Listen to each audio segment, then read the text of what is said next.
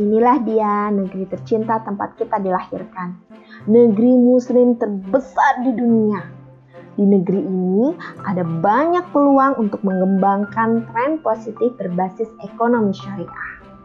Sebenarnya sih nggak hanya di Indonesia, Contohnya, negara non-muslim yang melirik keuangan syariah seperti Singapura, Inggris, Spanyol, Australia, Afrika Selatan, Nigeria, dan lainnya.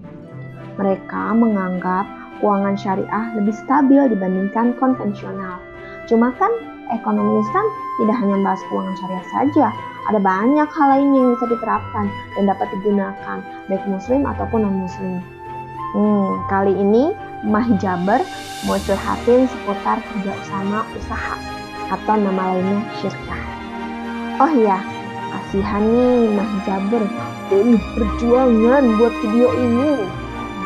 Begitu, emak, bapak, kakak, adik, siapa pun itu bantuinlah. Like, comment, subscribe. Kalau perlu di-share deh, supaya yang lain kebagian manfaat dari video ini. Jari-jarimu membuat emak hijaber makin semangat nerusin buat video selanjutnya. Oke, langsung aja dengerin video ini sampai habis ya.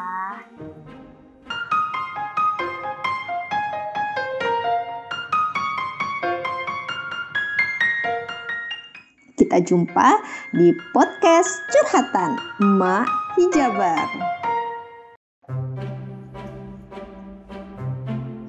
Awalnya Mah Jabar bingung apa itu syirkah? Hmm, bisa dimasak nggak ya?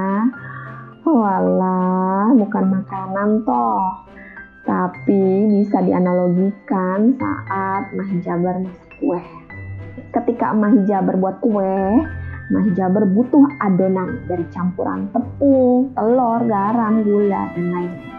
Setelah diaduk adonan tadi, Mah Jaber tidak bisa lagi melihat yang mana bagian tepung, telur, garam, gula, dan lain-lain. Semuanya bercampur menjadi satu untuk dimasak. Hasilnya jadilah kue. Nah, kue ini yang dimaksud dengan firka. Dengan kata lain, firka adalah bercampurnya dua bagian atau lebih yang tidak dapat dibedakan lagi satu bagian dengan bagian yang lainnya. Hmm, sampai sini alhamdulillah mudah dipahami kan? Tapi buat apa ya kita bahas syirkah? Bukankah tiap manusia diciptakan berbeda-beda, baik dari sisi keahlian sampai jumlah hartanya?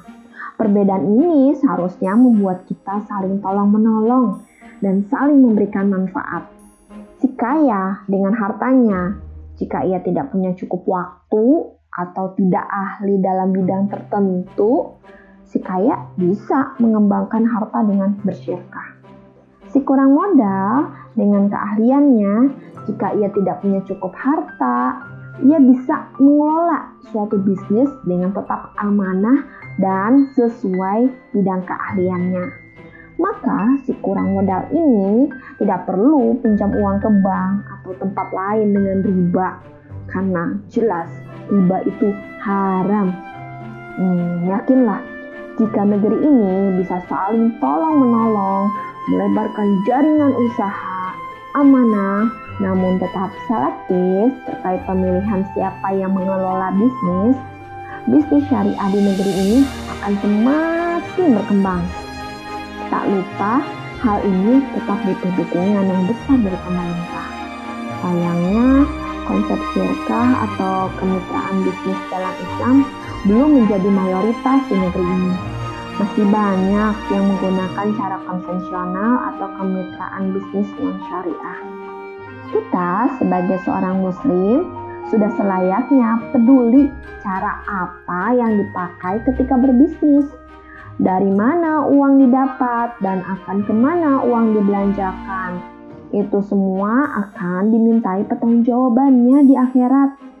Apakah bekerjanya dengan cara halal atau tidak? Next, Mah Jabar mau cerita tentang beraneka macam syirkah. Subscribe dan tombol loncengnya agar dapat notifikasi video berikutnya.